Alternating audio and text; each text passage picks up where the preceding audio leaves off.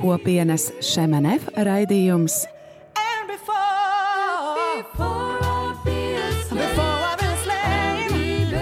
Jaunais ceļš.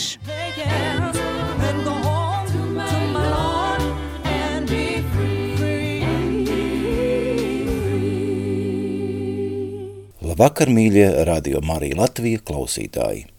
Šī vakara stundā jūs dzirdēsiet interviju ar īpašu viesi, slavētāju, konsekrētu ticības brāli Fefi no Ungārijas. Raidījums izskanēs, pateicoties arī tavam atbalstam. Klausāmies!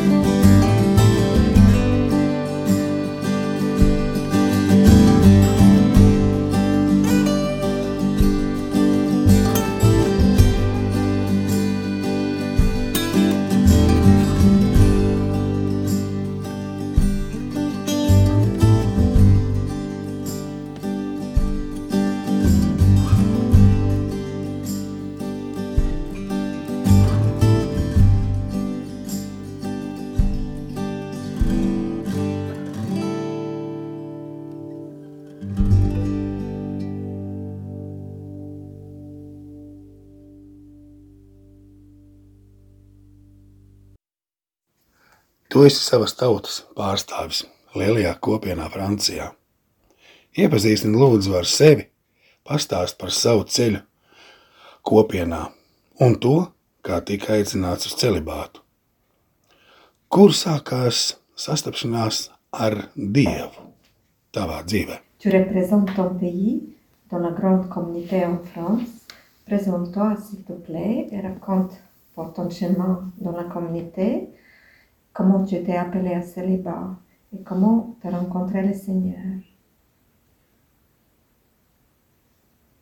Bonjour, Labdien! je m'appelle euh, Ferenc. Mani sauc Ferenc. Dans la communauté, on, on m'appelle plutôt Fefe. Kopienā man sauc vienkārši Fefe. Et euh, oui, je suis hongrois. Es esmu Ungārs. J'ai passé 15 ans en France dans la communauté. Es pavadīju 15 gadus Francijā kopienā, Et actuellement, euh, j'habite euh, en Pologne depuis un an et demi. un, pagai, un dodā brīdī es dzīvoju Polijā pusotru gadu. J'ai rencontré le... J'étais toujours euh, dans les milieux croyants. Es Kā Kā jau? vienmēr esmu bijis eh, ticīgā vidē. Donc, je dirais, c'était ma mère qui était plutôt croyante dans la, dans la famille. Manā ģimenē tā bija mamma, mana māte, kas bija ticīga. C'est elle qui m'a euh, hmm, hum, qui m'a encouragé à aller à la messe Viņa mani iedrošināja qui est Tunis. Hmm, Mais je pense que m- ma foi, ma rencontre personnelle avec le Seigneur s'est passée plus tard. C'était pas quand j'étais enfant. Bet manā tāda personīgā tikšanās ar kungu notika vēlāk. Notika vēlāk, kad es vairs nebiju bērns. J'étais enfant cœur. Es biju eh, bērns, kas piekalpo misē, mais pas parce que j'avais une très grande dévotion, bet nevis tāpēc, ka man bija liela dievbijība, mais parce qu'il y avait des places libres devant. bet tāpēc, ka tur bija brīvas vietas. Donc c'était un peu ça ma foi. Tāda bija mana ticība sākumā. Mais par contre, euh, j'ai- j'avais 17 ans ou quand j'ai 17, 18 ans, quand j'ai participé à un, un week-end jeune, Bet man bija 17 gadi, kad es piedalījos eh, kādā jauniešu weekendā, nedēļas nogalē. et au- aussi quand j'étais adolescent, j'étais j'ai- j'étais déjà dans la musique un peu. Kad es biju pusaudzis, es jau nodarbojos ar mūziku, Et je suis débarqué dans, dans ce week-end un es eh, atbraucu uz šo nedēļas nogali, parce que il a fallu faire un peu de musique là-bas. jo tur vajadzēja spēlēt mūziku.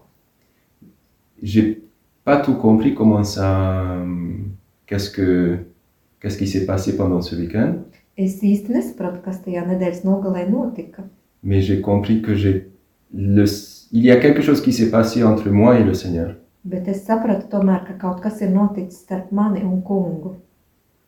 Et du coup, j'étais interpellé parce que j'ai, j'ai- c'était un week-end jeune avec la communauté. Un tā es biju uzrunāts, tas bija, eh, tā bija nedēļas nogalē ar kopienu, Et j'ai été interpellé parce que j'ai. euh, parce que c'était pas la même manière de vivre la foi. Un man aizskāra tas, ka tā nebija eh, viena un tā pati, viens un tas pats veids, kā izdzīvot ticību, que j'avais l'habitude. kā es biju pieradis. Et donc je suis retourné plus tard dans, dans ces types de week-end Un vēlāk es atkal atgriezos šāda veida nedēļas nogalēs, et j'étais euh, dans un de ces week-ends, j'ai rencontré une sœur de la communauté qui s'appelle Marina un vienā no šiem vikendiem es satiku kādu kopienas māsu, ko sauc Marina, et avec qui je, je peux faire la musique encore aujourd'hui. un ar kuru es vēl šodien spēlēju mūziku. c'est elle euh, qui m'a qui m'a proposé de chanter, euh, jouer à- en France avec une chorale internationale. Tā bija viņa, kas man piedāvāja spēlēt Francijā ar eh, starptautisko kori. Et pendant ces trois semaines en France, Un šo trīs nedēļu laikā Francijā j'ai le Seigneur m'a m'a bien travaillé. kungs ar mani tā kārtīgi strādāja. Hmm, j'ai pensé toujours qu'on fait quelque chose de beau pour le Seigneur. Es visu laiku es biju domājis, ka mēs kaut ko skaistu darām kungam. Il, il faut qu'on, si on veut évangéliser, il faut que ce, que ce soit parfait. Un, ja mēs gribam evanģelizēt, tam jābūt kaut kam perfektam, pilnīgam. Donc j'ai pensé qu'il faut qu'on répète beaucoup. Es domāju, ka vajag daudz mēģināt. Et éventuellement, on, on, on a pu prier aussi. Un, uh, apatrie, Ah, Un peu, juste un peu. un varbūt arī drusku lūgties. Et j'ai, avec les, les concerts, Ar koncertu euh, le Seigneur m'a fait comprendre kungs man uh, lika saprast, que notre unité de, entre chorale et orchestre ka mūsu vienībā starp kori un orķestri n'est pas venue simplement de la répétition. nav nākusi vienkārši no mēģināšanām. On, peut, on, on a pu faire quelque chose de très sympa musicalement, Mēs varējām kaut ko ļoti simpātisku no mūzikas viedokļa izdarīt, et, mais je me suis senti un peu loin des autres. bet es jutos tā attālināts no pārējiem. Parce que j'ai préféré plutôt de répéter que prier. Jo man labāk patika mēģināt nekā lūgties. Donc j'ai fait une petite crise. Un tad man bija neliela krīze, Et, euh, et j'ai, il y avait une possibilité de demander la prière à ce moment-là, un bija iespēja lūgt aizlūgumu tajā brīdī, avant un concert. pirms koncerta.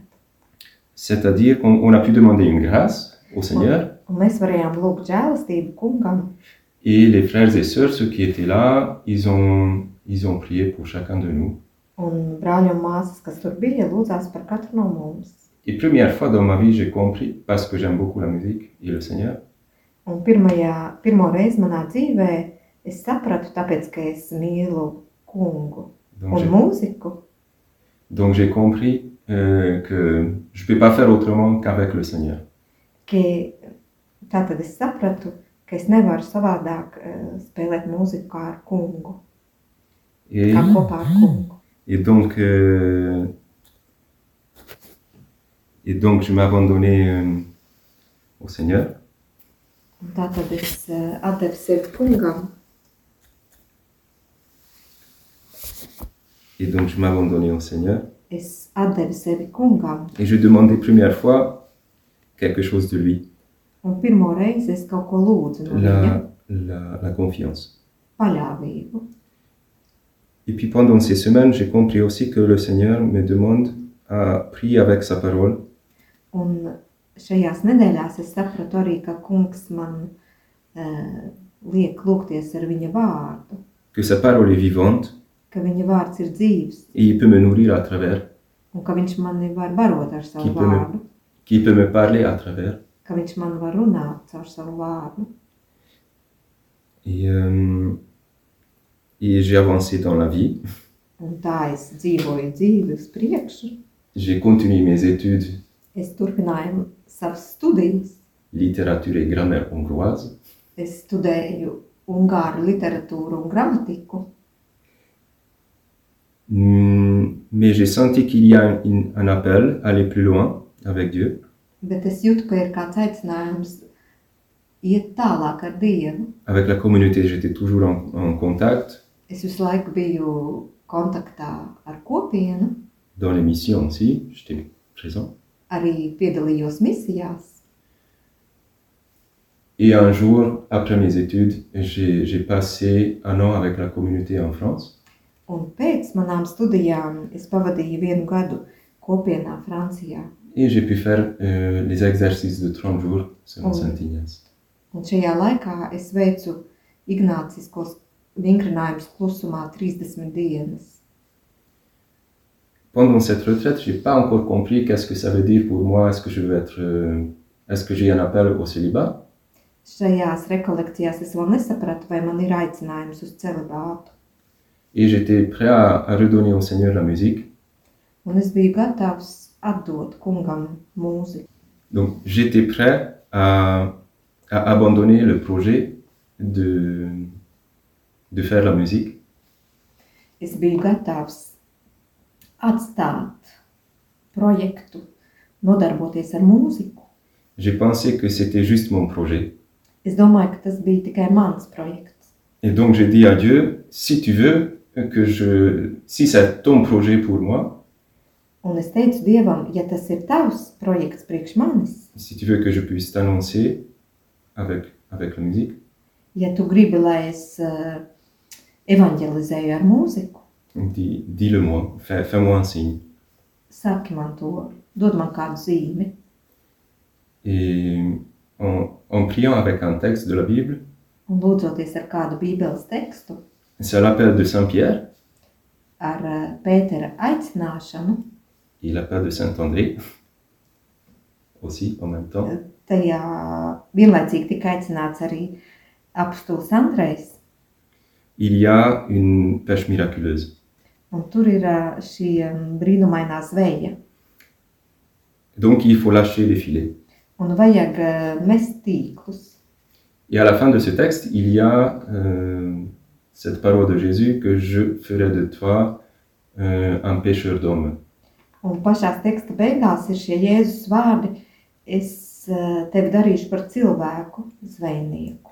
Saint Ignace propose, euh, pendant, pour ces exercices, il propose qu'on imagine le, ce qui se passe dans le texte. Un Ignācijas eh, vingrinājumos piedāvā iztēloties, kas notiek eh, tekstā. Et j'ai, j'ai vu une, comme Pierre lâche le filet, Un es redzēju, kā Pēters met tīklus. j'ai vu ce filet qui, à la fois, il est encore dans sa main, Es redzēju šo tīklu, kas eh, vienlaicīgi ir viņa rokā, et c'est un filet qui commence à s'ouvrir. un tīklu, kas sāk atvērties.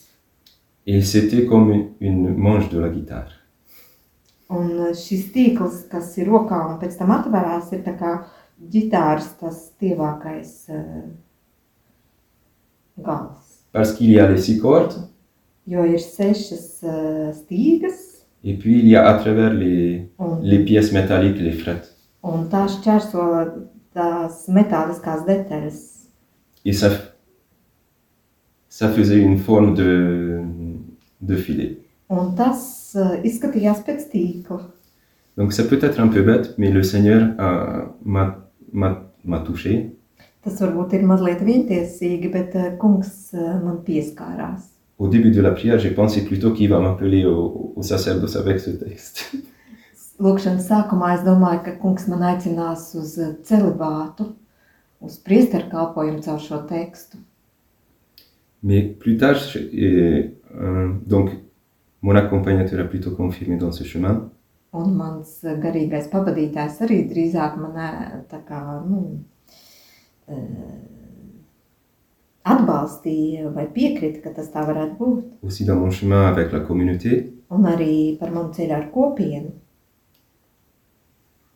Et plus tard, deux, trois ans plus tard, Bet divus, trīs gadus vēlāk je suis tombé sur un- une Bible euh, anglaise es, eh, man nonāca manās rokās Bībele angļu valodā, et dedans il y avait quelques illustrations. un tur iekšā bija dažas ilustrācijas. J'ai voulu améliorer mon, mon anglais, Un es gribēju uzlabot uh, savu angļu valodu, donc j'ai prié chaque jour avec cette Bible. un katru dienu es lūdzās ar šo bībeli. Et un jour, je- le texte du jour, c'était le même texte, euh, la, la pêche miraculeuse. Un kādu dienu tās dienas teksts bija tas pats teksts eh, par brīnumaino zveju. Il y avait une petite illustration Un tur bija ilustrācija, et en gros, j'ai vu la même image un tur varēja redzēt to pašu attēlu, que, que, hum, que j'ai reçue dans le, en imaginant le texte pendant les 30 jours. to pašu attēlu, kuru es biju redzējis 30 dienu laikā, lūdzoties šo tekstu. Pour moi, c'était une, une très grande joie. Un tas man bija liels prieks. Et dans le célibat, je me suis engagé plus tard.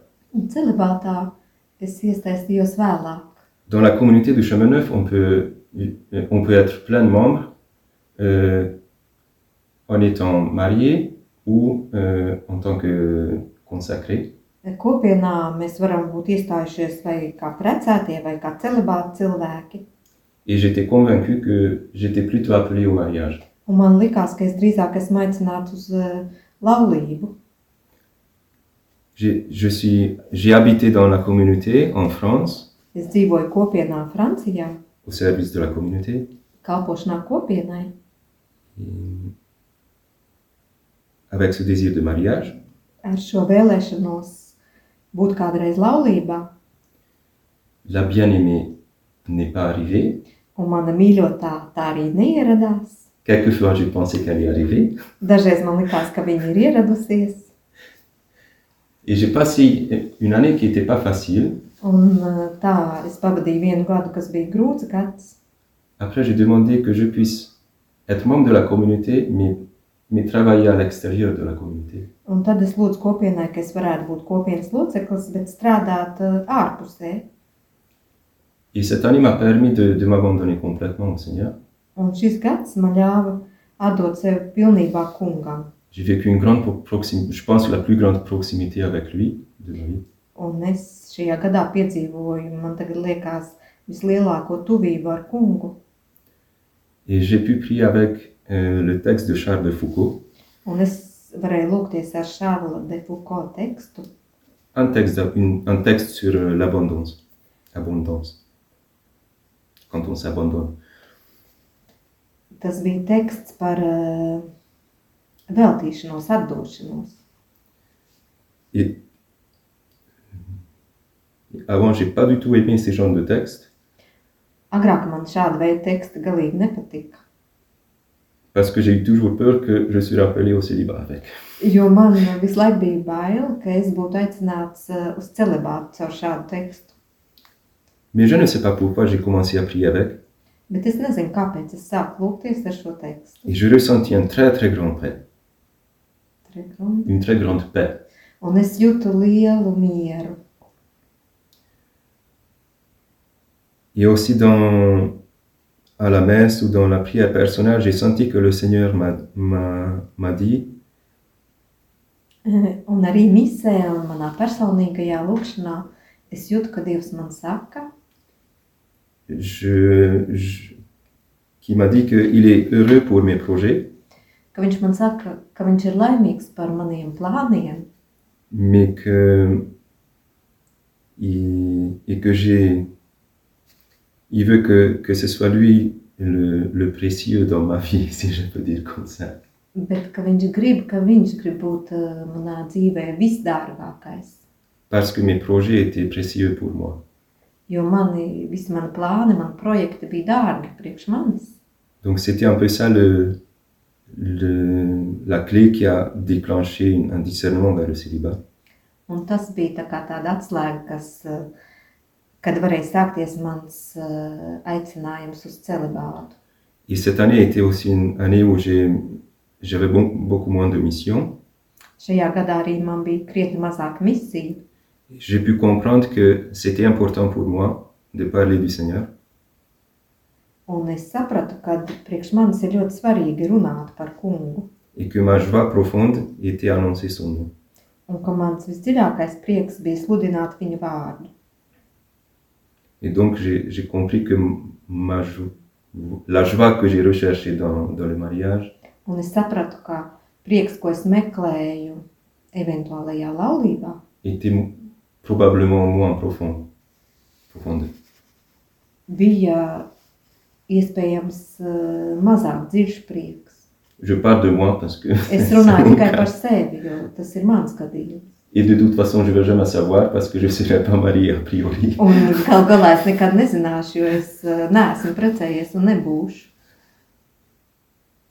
Donc voilà, c'est à peu près. Apmēram tā. douce neige en silence. Doux feu du froid qui danse. Les maisons minuscules brûlent dans le blanc.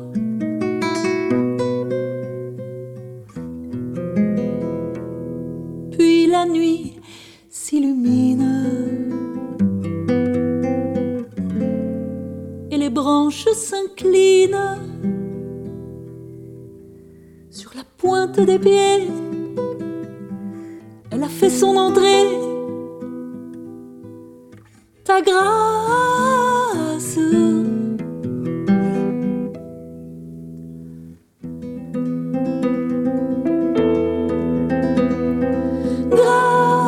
Grâce milliers de fleurs fondues de blanches flammes, mille touchés d'amour dans l'âme, déchire enfin le voile que je vois ton visage. Grâce,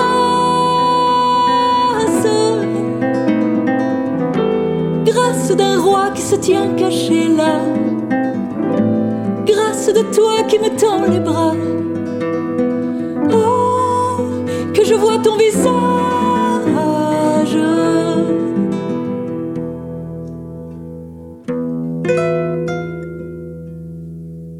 Plus tendre que la neige. Plus muet que l'hiver. Et serré comme un poing, le cœur humain.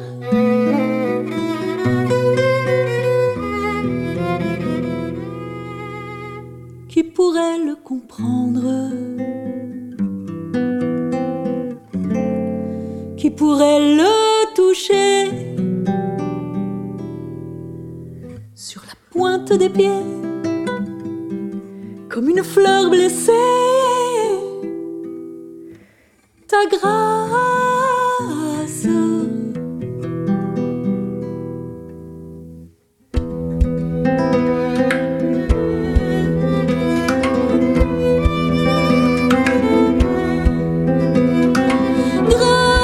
grâce.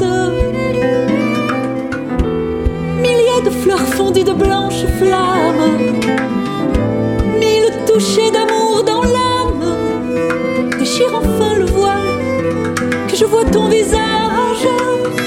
Grâce, grâce d'un roi qui se tient caché là, grâce de toi qui me tends les bras. Oh, que je vois ton visage.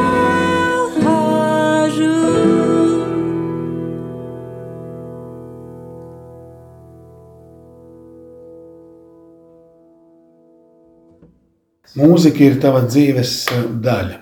Tu esi mūziķis, tev ir grupa. Pastāsti un iepazīstini ar savu evanģelizēšanas mūziku. Tu um, evanģelizē mākslu, konkrēti ar mūziku. Varbūt var pastāstīt, kā tas notiek. La musique fait partie de ta vie. Tu es musicien, toi, tu as la groupe. Raconte, raconte-nous euh, pour ton euh, évangélisation à travers la musique. Tu évangélises euh, par l'art, concrètement par la musique.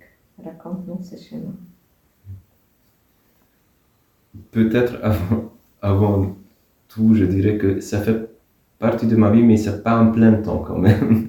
Eh, Es sākšu ar to, ka es pateikšu, ka tā ir mans dzīves daļa, bet ne, ne uz pilnu laiku.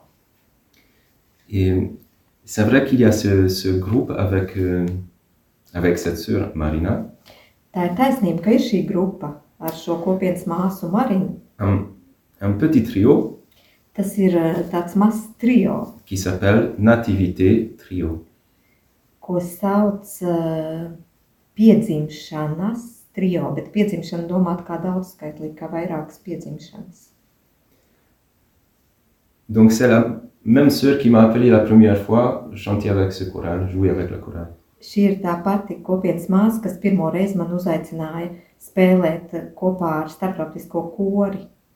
Ça, pour moi, ça re- ce fait représente un peu la fidélité de Dieu. Priekš manis tas eh, runā par dievu uzticību. Que la première fois, une seule fois dans sa vie qu'elle était en Hongrie, Pirmo un vienīgo reizi, kad viņa bija Ungārijā, on a pu se rencontrer. mēs satikāmies. Et ce, cette rencontre porte des fruits encore aujourd'hui. Un šī tikšanās nes vēl augļus vēl šodien. Ce, ce, ce petit trio est basé sur les chansons, les chants de Marina. Šis trio spēlē galvenokārt Marinas dziesmas Et avec un, un autre frère de la communauté, avec un père de famille, kopā ar vēl vienu kopienas brāli, ar ģimenes tēvu. on l'accompagne depuis 10 ans. Mēs uh, esam kopā jau desmit gadus. Et on, on fait des, les arrangements des, des chants ensemble. Un mēs ierakstām kopā dziesmas. Et c'est vrai que c'est très particulier Un tas ir kaut kas ļoti īpašs, parce que ces chants sont très poétiques. jo šīs dziesmas ir ļoti poētiskas. Cette sœur est, est une poète. Šī kopienas māsa ir arī dzēniece. Donc, c'est- on n'a pas dans l'église, dans, pendant une messe, par exemple, Baznīcā misijas laikā, piemēram, on n'a pas forcément l'habitude d'entendre les, les textes très poétiques. mun- nu, mēs neesam pieraduši dzirdēt tādus ļoti poētiskus tekstus. Quand j'écoute un poème, Kad es klausos kādu dzējoli, hum, poēmu, ça ne veut pas dire que je prie pas. tas nenozīmē, ka es nelūdzos, Mais c'est sûr que j'écoute autrement qu'un chant religieux typique. bet es tomēr klausos savādāk nekā tādu tradicionālu, tipisku, reliģisku dziesmu. Je, parce que je laisse me toucher à travers les paroles euh, davantage, par la finesse, la beauté de la parole. Jo es ļaujos, lai man uzrunā vairāk um, tāds vārdu smalkums, jā, vārdu smalkums un poēzija. Et c'est vrai aussi que notre musique n'est pas, n'est pas forcément la musique plus simple. Un tā arī mūsu mūzika nav tāda pati vienkāršākā mūzika. Il y a des sty- styles assez différents Tā ir savādāks stils. et les, la mélodie, les harmonies sont, ils sont pas hors de commun, mais pas forcément très classiques.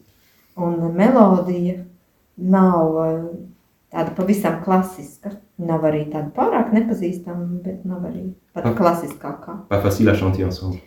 Un Ehm, tās dziesmas nav vienkārši dziedāt kopā.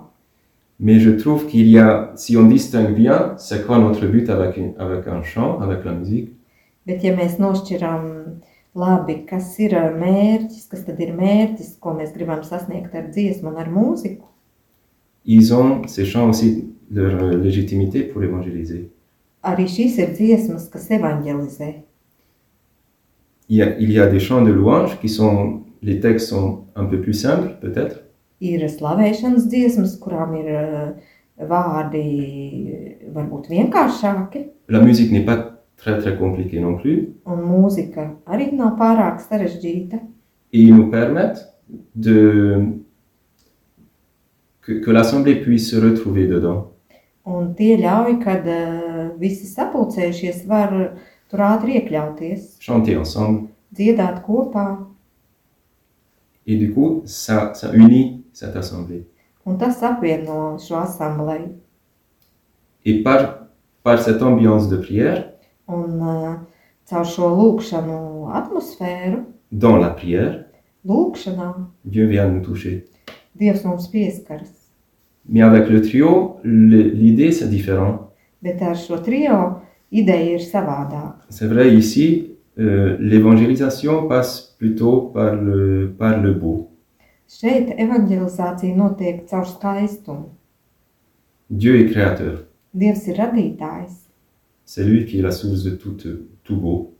Viņš ir visas skaistā avots. Quand on regarde un magnifique paysage, Kad mēs skatāmies uz skaistu ainavu, comme la plage de l'Iapaya, kā piemēram liepājas pludmale, on est émerveillé, mēs esam eh, apbrīnā, on, on- on est touché. mēs esam aizskarti Ou, ou un magnif- une magnifique tou- euh, coucher de soleil. vai, piemēram, skaists saulrietis. Et c'est un peu ça qui se passe à travers, euh, à travers la musique et les paroles, peut-être un peu plus, plus fin et artistique. Un tas ir tas, kas notiek ar eh, mūziku un vārdiem, kas ir varbūt tādi smalkāki un eh, kur ir vairāk mākslas iekšā. Peut-être ça va pas me toucher parce que j'arrive à chanter avec, Varbūt tas man nepieskarsies, tāpēc, ka man izdodas tā labi dziedāt līdzi, mais ces paroles et ce- ces, ces mélodies vont couler au- au fond de mon cœur. bet šie vārdi un šīs melodijas plūdīs man sirds dziļumos. Et, et cette beauté peut, peut me toucher aussi. Un šis skaistums var man pieskarties. Et Dieu créateur, je pense qu'il est, il, il est heureux quand on se laisse toucher par quelque chose qui est beau. Dievs, visas skaistā radītājs, ir laimīgs, ja mēs ļaujamies, ka kaut kas skaists mums pieskarās. Les gens qui connaissent pas forcément Dieu, Cilvēki, kas nepazīst Dievu, ils peuvent être touchés aussi à travers, à, à travers l'art. viņus var aizskart caur mākslu. Ça nous est arrivé en Tas mums jau concert ir noticis koncertos. que après le concert, une dame est venue nous voir Pēc kāda koncerta viena kundze pienāca mums klāt, qui a dit que je, qui n'est pas croyant, kas un viņa teica, ka es neesmu ticīga, mais ce qu'elle a entendu dans un chant, bet to, ko es dzirdēju vienā no jūsu dziesmām, elle le connaît. viņa pazīst. Et, et c'est pourquoi ça l'a, ça l'a beaucoup, beaucoup touché. Un tas viņai ļoti, tas viņu ļoti uzrunāja. Je ne sais pas qu'est-ce qui s'est passé avec elle plus tard, mais, Es mais c'était nezinu, un très belle rencontre. es nezinu, kas notika ar viņu pēc tam, bet tā bija skaista tikšanās. Mais l'évangélisation, je vis aussi, euh, et plutôt davantage à travers, à travers euh, l'animation de, de la louange Bet uh, evanģelizāciju es izdzīvoju arī, un varbūt pat drusciņu vairāk, eh, animējot uh, slavēšanas grupas. Je suis un peu étonné Es par to pats brīnos drusciņu, que, le, Seigne- que, que la communauté me, me fait beaucoup de confiance. ka kopiena uz mani ļoti paļaujas. Je me suis retrouvé deux fois à, à aider, aider prier les frères au chapitre général de la communauté. Divreiz es eh, vadīju asamblejas kopienas eh, kapitulā. ou animer ou préparer euh, et animer la liturgie, les chants. Euh, par exemple, cet été, pendant un festival où il y avait 4000 jeunes. vai arī um, animējot uh, liturģiju uh, šīs vasaras jauniešu festivālā ļoti daudziem jauniešiem. Et bien sûr, je suis ch- jamais, très, très rarement, je suis seul. Protams, es gandrīz nekad neesmu viens. C'est toujours en équipe. Tā vienmēr ir komanda. Et, et c'est très important que sans, sans les autres, je, c'est moins beau. Un tas ir ļoti svarīgi. Bez citiem tas nav tik skaisti. Mais en tout cas, ces moments de louange, que ce soit des, des moments très importants comme le chapitre ou un festival, Bet, ja k- mm, tagad- ou ces moments, gadiem kopiem pārāk. Pirms Donc, pēdējās. mais ces moments, que ce soit un- très important comme un- ces événements, que ce soit très important comme le chapitre ou un festival, tādos svarīgos brīžos kā kapituls vai jauniešu festivāls, ou plus quotidien comme un groupe de prière à la maison, vai arī tāds ikdienišķāks notikums kā lūkšana grupa mājās. ce sont les moments euh, qui engagent beaucoup de responsabilités. Tie ir brīži, kas, eh, kur jāiesaistās tiešām ar eh, visu atbildību. Parce que c'est vrai, c'est- c'est c'est vraiment sympa de chanter euh, euh, pour les autres, chanter pour le Seigneur. Tas ir eh, tiesa, ka ir skaisti dziedāt citiem un dziedāt kungam. En même temps, c'est une vraie responsabilité quel texte, on, quel chant on choisit. Un tā ir arī liela atbildība, kādu tekstu, kādu dziesmu mēs izvēlamies. Parce que c'est c'est ça qui, avec lequel ils vont prier. Jo tā ir tā dziesma, vai teksts, ar ko viņi lūgsies. Et donc c'est une re- vraie responsabilité à porter, je trouve, Tā kā tā ir tāda īsta atbildība, kas ir jānes. où ceux qui sont à la musique, il faut qu'on puisse à s'effacer. Tie, kas mēs spēlējam mūziku, lai mēs varam tā kā izdzist, Être un peu comme un bon berger būt kā labais gans et, et regarder ce- qu'est-ce qui est bon pour les brebis.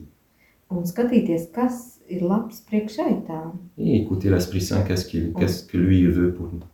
un klausīties svētajā garā, ko viņš mums grib. Et J'ai j'ai eu la chance de de- d'être là dans, dans, dans les équipes musique, à la louange, à la liturgie, dans différentes circonstances. Man ir veicies būt eh, eh, liturģiskajās komandās, dažādos apstākļos un vietās. Et, et c'est une grande chance parce que j'ai une, je pense que j'ai une, euh, ex- une expérience assez riche. Un tā ir tiešām veiksme, un es domāju, ka man ir um, bagāta pieredze. C'est pourquoi aussi que les frères m'ont demandé de venir en, en Lettonie pour ce- Marie. cette journée de formation. Un arī tāpēc eh, brāļi man aicināja braukt uz Latviju uz šo formācijas dienu. Et plus j'a- j'avance dans le temps, Un jo vairāk es eh, eju uz priekšu, laikā, Je suis émerveillé par cette chance que je peux avoir cette expérience. es eh, abrīnoju šo veiksmi, ka man šī pieredze ir. Et quand, quand je travaille avec des équipes pour préparer euh, un, un groupe de prière ou un événement, Un kad es strādāju ar komandu, lai gatavotu kādu lūkšanu grupu vai kādu notikumu, je porte toujours cette- ce, ce souci de la formation, de transmettre tout ce que j'ai j'ai pu comprendre et tout ce que j'ai pu vivre. Es vienmēr vēlos nodot tālāk to, ko es esmu sapratis un izdzīvojis, nodot tālāk citiem. C'est fondamental pour moi. Tas priekš manis ir eh, pamats. D'un amour plus long pour les pécheurs. Tu es dans les bras, Jésus Seigneur.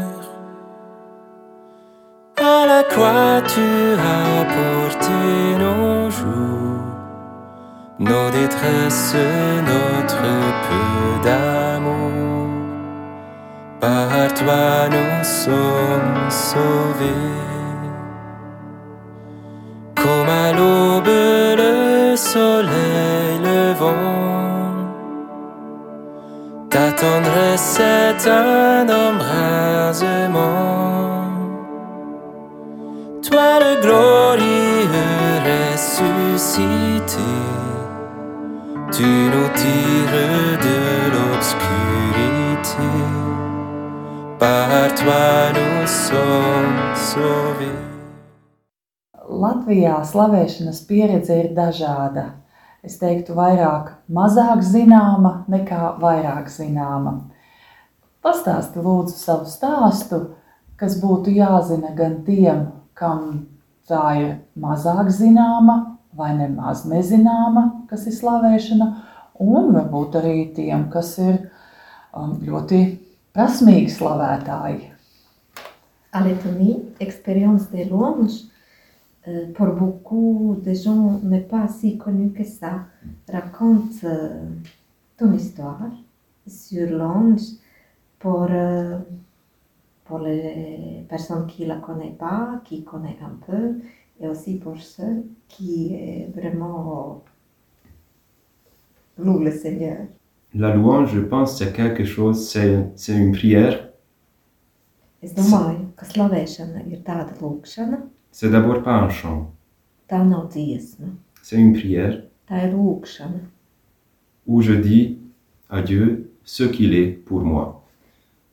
Un tajā es saku kungam, kas viņš ir priekš manis. Si on est très strict, on dit vraiment ça, que ce qu'il est pour moi. Ja mēs skatāmies strikti uz to, mēs sakām, kas viņš ir priekš manis, Qu'il est le créateur, ka viņš ir radītājs, qu'il est le sauveur, ka viņš ir glābējs, qu'il est bon, qu'il est fidèle, ka viņš ir labs, ka viņš ir uzticams, qu'il est miséricordieux, ka viņš ir žēlsirdīgs, par exemple. piemēram. Et puis, on- il y a aussi l'action de grâce qui vient avec, Un arī pateicība nāk ar to kopā, où quand je fais mémoire de, des grandes faits de Dieu, kad es atceros Dieva lielos darbus, ce- son- quand je fais mémoire de son action dans, dans nos vies, kad es atceros viņa darbošanos eh, manā dzīvē, mūsu dzīvē. et eh bien sûr, ça fait partie aussi de la louange. Tas Mm. arī kļūst par slavēšanas daļu. En tout cas pour moi. Katrā ziņā man tas tā ir. Parce qu'à travers cette prière, avec l'action de, à travers l'action de grâce, Tāpēc, ka caur pateicību, parce que je dis ce qu'il a fait, des- de grandes choses, tāpēc, ka es saku, ko viņš ir darījis, lielās lietas, ko viņš ir darījis, je proclame aussi sa force es eh, sludinu arī viņa spēku. et sa puissance. Viņa spēku. Jā, Kjans ir pa- Donc, si je suis très théorique, c'est ça la louange. Ja es ska, eh, izklāstu to teorētiski, tā ir slavēšana. Mais je pense que la louange, c'est plutôt une, simplement une porte d'entrée. Bet es domāju, arī ka slavēšana ir tāds ieejas durvis, C'est comme une... euh, c'est une porte d'entrée pour aller plus loin avec le Seigneur, plus en profondeur. tās, tās ir ieejas durvis, lai kopā ar Dievu dotos tālāk un kopā ar Dievu dotos dziļāk. On, on peut arrêter à la- juste, on peut s'arrêter juste au niveau de la louange. Mēs varam apstāties šajā slavēšanas līmenī, Et Dieu est très heureux, il est très content, je pense, quand on le loue. Dievs ir laimīgs, viņš ir ā, priecīgs, kad mēs viņu slavējam. Dieu est gratitude, Dievs pats ir ā, tā kā viņš mums ir dod par velti. et, et je pense qu'il est, il est content quand nous, on est gratuitement, on, on le dit ce qu'il est. Quand on, on, l'a- on- on le loue, on l'embrasse. Un es domāju, eh, ka viņš ir ā, priecīgs, ka mēs viņam tā kā par velti sakām kas viņš ir, un uh, mēs viņam pateicamies. Mais il veut se donner aussi. Bet viņš grib mums sevi dot, Il veut se révéler. viņš grib mums atklāties, Et c'est un peu au-delà déjà de la louange, un tas ir kaut kas vēl vairāk par slavēšanu. dans l'adoration. Tā ir adorācija. Et, et la louange ouvre la porte à cette adoration, à cette intimité avec Dieu. Un ā, slavēšana atver durvis šai adorācijai un šai ļoti lielai tuvībai ar Dievu. C'est comme une, une fusée Tā ir kā tāda raķete, qui a besoin de beaucoup d'énergie au début kam ir vajadzīga liela enerģija sākumā, pour quitter la- l'atmosphère. lai pamestu atmosfēru. il y a la force de la gravitation qui essaie de le retenir. Ir gravitācijas spēks, kas mēģina to noturēt, Et pour vaincre cette gravitation, cette force, un lai ā, uzvarētu, ņemtu virsroku pār šo gravitācijas spēku, il faut que la fusée dépense beaucoup d'énergie. vajag, lai raķete ā, dod daudz enerģijas. Quand on regarde les vidéos sur les lancements de fusées, Kad mēs skatāmies video par eh, to, kā raķetes tiek palaistas, on voit qu'au début, il démarre très lentement. mēs redzam, ka sākumā viņa sāk kustēties ļoti lēnām. C'est pas comme une Porsche qui, qui démarre de zéro et roule à 100 ou 200 à l'heure. Tā nav kāda mašīna, kas uzreiz metās ceļā un uzņem 200 km/h ātrumu. Il va, il va aller très, très vite aussi après. Bet pēc tam tā nesīsies ļoti ātri. Et la louange est un peu comme ça. Un slavēšana ir kaut kas apmēram tam Il faut līdzīgs. qu'on mette beaucoup d'énergie No sākuma mēs dodam daudz enerģijas dans la louange. slavēšanā, Parce, qu'on, parce que parfois, c'est c'est pas facile de commencer la prière. tāpēc ka reizēm nav viegli sākt lūgšanu. Parce qu'on a des soucis. Tāpēc, ka esam norūpējušies, Peut-être ce- c'est c'est nos enfants qui ont des soucis varbūt mūsu bērniem ir eh, rūpes, et on est préoccupé. un mēs ar to esam noņēmušies. Mais quand la fusée avance plus en hauteur, Bet, kad raķete ir jau pacēlusies augstāk, il y a moins de force et à un moment donné, il n'y a plus de force de gravitation. vienā brīdī nav vairs gravitācijas spēks, kas jāpārvar, Il peut voler plus librement. un eh, tā var lidot brīvi. Il a besoin de dépenser moins d'énergie. Eh, Viņai vajadzīgs mazāk enerģijas, lai lidotu. Et la louange, c'est quelque chose qui permet qu'on arrive à cette étape où on, a, on- on- on lâche nos préoccupations. Un slavēšana ir kaut kas tāds, kas ļauj mums eh, eh, atstāt mūsu rūpes un eh, būt, būt ar kungu. Parce que quand- dans, dans cette prière, on se tourne vers Dieu davantage. Jo šajā lūkšanā mēs pagriežamies vairāk pret Dievu. Je trouve que l'intercession est très importante Es domāju, ka aizlūkšana ir ļoti svarīga, et je crois dans la force de l'intercession, un es ticu aizlūkšanas spēkam, mais la louange aussi est très importante. bet slavēšana arī ir ļoti svarīga. Parce que quand je loue le Seigneur, quand je, quand je lui dis qui il est pour moi, Jo, kad es slavēju kungu, kad es viņam saku, kas viņš man ir, je tourne mon regard vers lui es pagriežu man skatienu uz viņu, et je détourne mon regard de, mon- de mes problèmes. un es novēršos no manām problēmām. Et en avançant dans la louange, Un ejot uz priekšu slavēšanā, plus en plus on devient léger. mēs kļūstam vieglāki un vieglāki. Et comme la fusée monte très haut, Un tā kā raķete paceļās ļoti augstu, nous aussi quand on arrive, euh, si on imagine qu'on monte avec la louange, Un mēs varam iztēloties, ka mēs arī paceļamies augstumos eh, ar slavēšanu. En haut, la perspective n'est pas pareille. No augšas perspektīva nav tā pati. C'est un peu comme euh, est-ce que je regarde ma vie ou mes soucis avec ma perspective quotidienne Tas ir druskuļi tā kā vai nu es skatos savu dzīvi ar manu tādu ikdienas perspektīvu, ou je, je dis la bonté de Dieu et je laisse qu'il me donne sa vision pour moi, sa perspective. vai arī es eh, saku, cik Dievs ir labs un ļauju, lai Viņš man dod savu skatījumu, uz eh, savu perspektīvu, uz manu dzīvi. La louange aussi est un feu pour moi Slavēšana ir arī priekš manis uguns. C'est comme un cœur qui brûle, Tā ir kā degoša sirds. Surtout d'abord, en premier, c'est le cœur de Dieu qui brûle pour moi, Um, Iesākumā tā ir dieva sirds, kas deg priekš manis, parce qu'il m'a créé jo viņš man ir radījis, et parce qu'il m'a sauvé. jo viņš man ir glābis. Et cet feu peut allumer un feu, un, une autre feu en moi. Un šī uguns var aizdedzināt citu uguni manī. Et ça, ça va devenir le feu de la louange. Un tā kļūst par slavēšanas uguni. À la gratitude de Dieu, je réponds avec ma gratitude. Dieva tādai mm, beziemesla ī- mīlestībai es atbildu ar savu tādu pilnīgo mīlestību. Et plus en plus, je, plus en plus, je laisse euh, enflammer cet feu en moi. Un, jo vairāk es ļauju šai ugunī aizdegties manī, C'est comme, comme un, s- un spiral qui monte. tas ir kā tāda spirāli, kas ceļās uz augšu. Il va davantage me, m'enflammer pour la louange, pour l'amour de Dieu. Un viņa man vairāk un vairāk aizdedzinās uh, dieva mīlestībai. Et, cha- et parce que ma perspective change, Un tā kā mana perspektīva mainās, je pense que Dieu peut changer ma vie à travers, à travers euh, l'action de grâce, à travers la louange. Es domāju, ka Dievs var mainīt manu dzīvi caur ā, pateicību un slavēšanu. Dans l'ado- quand, quand je m'ouvre à sa présence dans l'adoration, Kad es atveros viņa klātbūtnē, adorācijā, j'écoute ce, ce qu'il dit pour moi, es klausos, ko viņš man saka, ce qu'il dit sur mes projets, ko viņš man saka par maniem plāniem.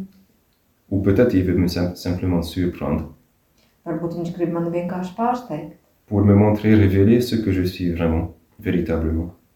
lai man parādītu, kas es esmu patiešām. Mais pour cela, il faut qu'on euh, puisse se détacher de, de nos soucis, de nos, nos, nos plans à nous. Bet priekš tā ir vajadzīgs, lai mēs ā, em, tā atkabinātos no mūsu rūpestiem un arī mūsu plāniem, mūsu pašu plāniem. Et c'est très important pour moi que ce n'est pas quelque chose qui est, qui est arrivé dans l'Église avec le renouveau charismatique. Priekš manis ir, eh, tas ir arī svarīgi, ka tas ir kaut kas, kas ir em, noticis baznīcā ar harizmātisko atjaunotni. La louange est présente déjà dans l'Ancien Testament.